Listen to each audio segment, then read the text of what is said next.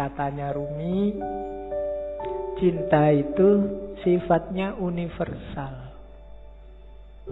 Karakter yang dimiliki semua orang. Agama apa pun. Dari budaya apa pun.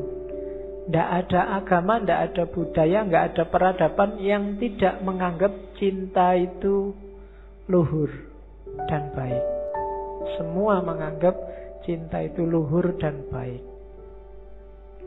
Jadi itu rumus pertama. Kamu mencintai itu tidak ada orang anggap kamu jelek. Apa pun. Kecuali yang duniawi. Jadi cinta ini perasaan yang universal. Yang kedua, cinta itu obat. Obat dari kesombongan, obat dari kelemahan, obat dari duka cita. Mengingatkan yang minggu-minggu lalu ya, jadi cinta itu kan ketika orang berhubungan dengan sesuatu, tapi dia tidak memiliki pamrih apa pun selain untuk yang dicintai, ibu ke anak, orang tua ke anak, mungkin kamu dengan sahabatmu, ketika nggak nuntut apa-apa, kepingin yang kamu cintai ini bahagia, baik, unggul, dan bila perlu kamu berkorban demi kebahagiaannya, demi kebaikannya, tidak usah ada balasan apa-apa, kan itu kemarin definisinya cinta. Nah, cinta yang kayak gini, ini melatih jiwa. Yang pertama apa? Jiwa jadi nggak sombong, Jiwa pecinta itu jiwa yang rendah hati. Kenapa? Dia tidak mikir dirinya. Kok kamu merasa pecinta tapi masih sombong? Belum berarti. Perlu latihan lagi. Dan pecinta pasti kuat. Ya kan? Jiwa yang kuat itu kan jiwa yang dia selalu ingin memberi, tidak minta-minta, tidak ingin dibalas.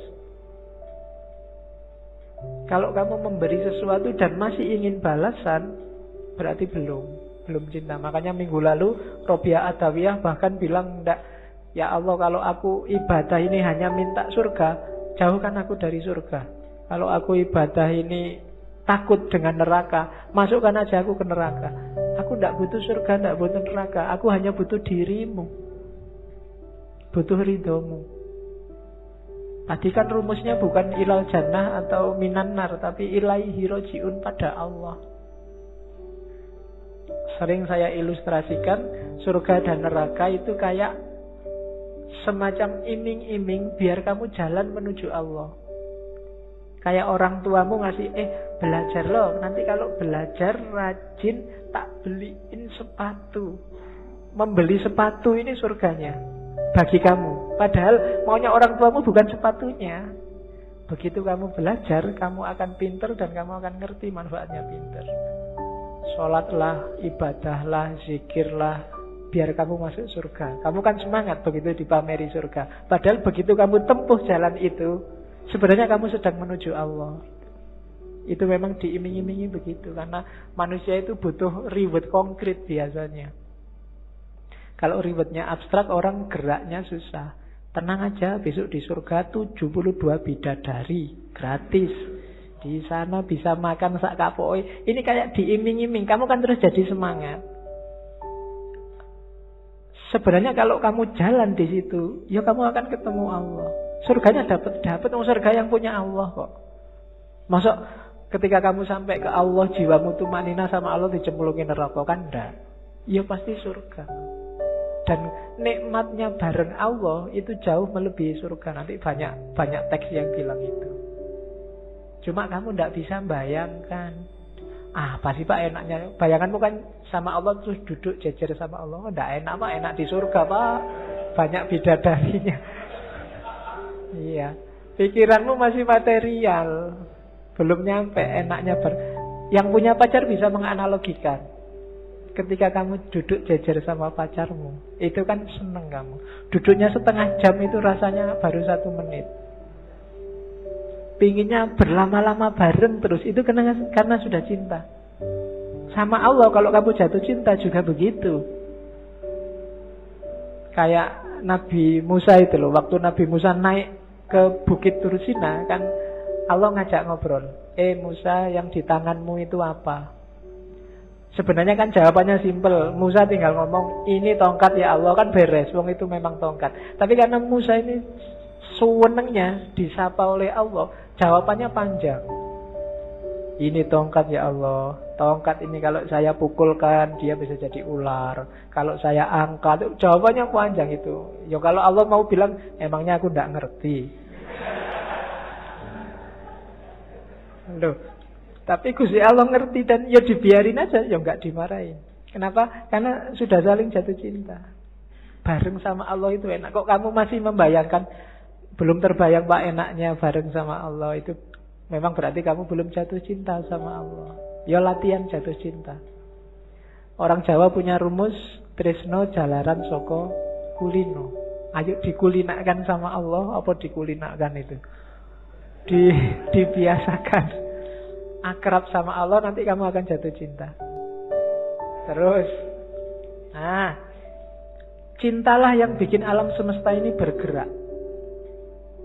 Nanti Rumi punya teori evolusi yang khusus, tapi saya tidak akan sampaikan sekarang, kapan-kapan. Rumi nanti akan banyak sesinya. Jadi, gara-gara ada cinta ini loh, alam ini bersatu dan berpisah orang tua sama anak habis bersatu berpisah. Berpisah ini juga tanda cinta. Kalau orang tua tidak mau nyapih anaknya, padahal berat nyapih anak ini, tidak tego nyapih anak, tapi harus disapih. Kenapa? Karena cinta. Jadi pertemuan dan perpisahan itu banyak ya, ya karena cinta. Kamu melepas masa mudamu menuju masa dewasa. Janjane pengen membok saya muda terus nggak bisa. Hidup itu ada ada pertemuan, ada perpisahan, dan biar jalannya on the track, dasarnya harus cinta. Jadi cinta adalah yang menggerakkan dunia ini. Dan cinta yang bikin kita karakternya, kalau bahasa nyarumi, menuhan. Semakin tulus kita cinta pada apa pun, karakter kita akan semakin menuhan. Menuhan itu semakin spiritual. Tidak ada pamrih. Tidak ada tujuan-tujuan apa pun selain Allah. Itu yang kalau dalam agama disebut ikhlas. Jadi ciri sejati cinta itu justru ada pada ikhlas. Ikhlas itu kamu beribadah satu-satunya target adalah keridoannya Allah. Makanya Robiah kemarin di hampir semua puisinya selalu bertanyakan, Ya Allah apakah engkau ridho dengan ini? Kalau engkau ridho aku tenang. Sebelum aku yakin engkau ridho, aku ini masih gelisah. Jadi yang dikejar cuma ridhonya Allah. Satu-satunya yang dikejar cuma Allah. Itu namanya ikhlas. Lillahi ta'ala. Tidak karena apa pun. Ya Allah aku amal baik ini Semoga engkau ridho ya. Jadi yang ada di pikiran itu selalu nyali ridhonya yang dicintai. Sama kayak kamu pacaran itu kan. Selalu mikir, iki pacarku kalau gini seneng ndak ya? Kalau tak bawa ini nih mau ndak ya?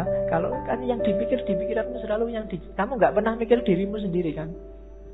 Begitu diajak ke warung, ini kamu sukanya warung yang mana? Kan bukan sukaku. Sukanya dia.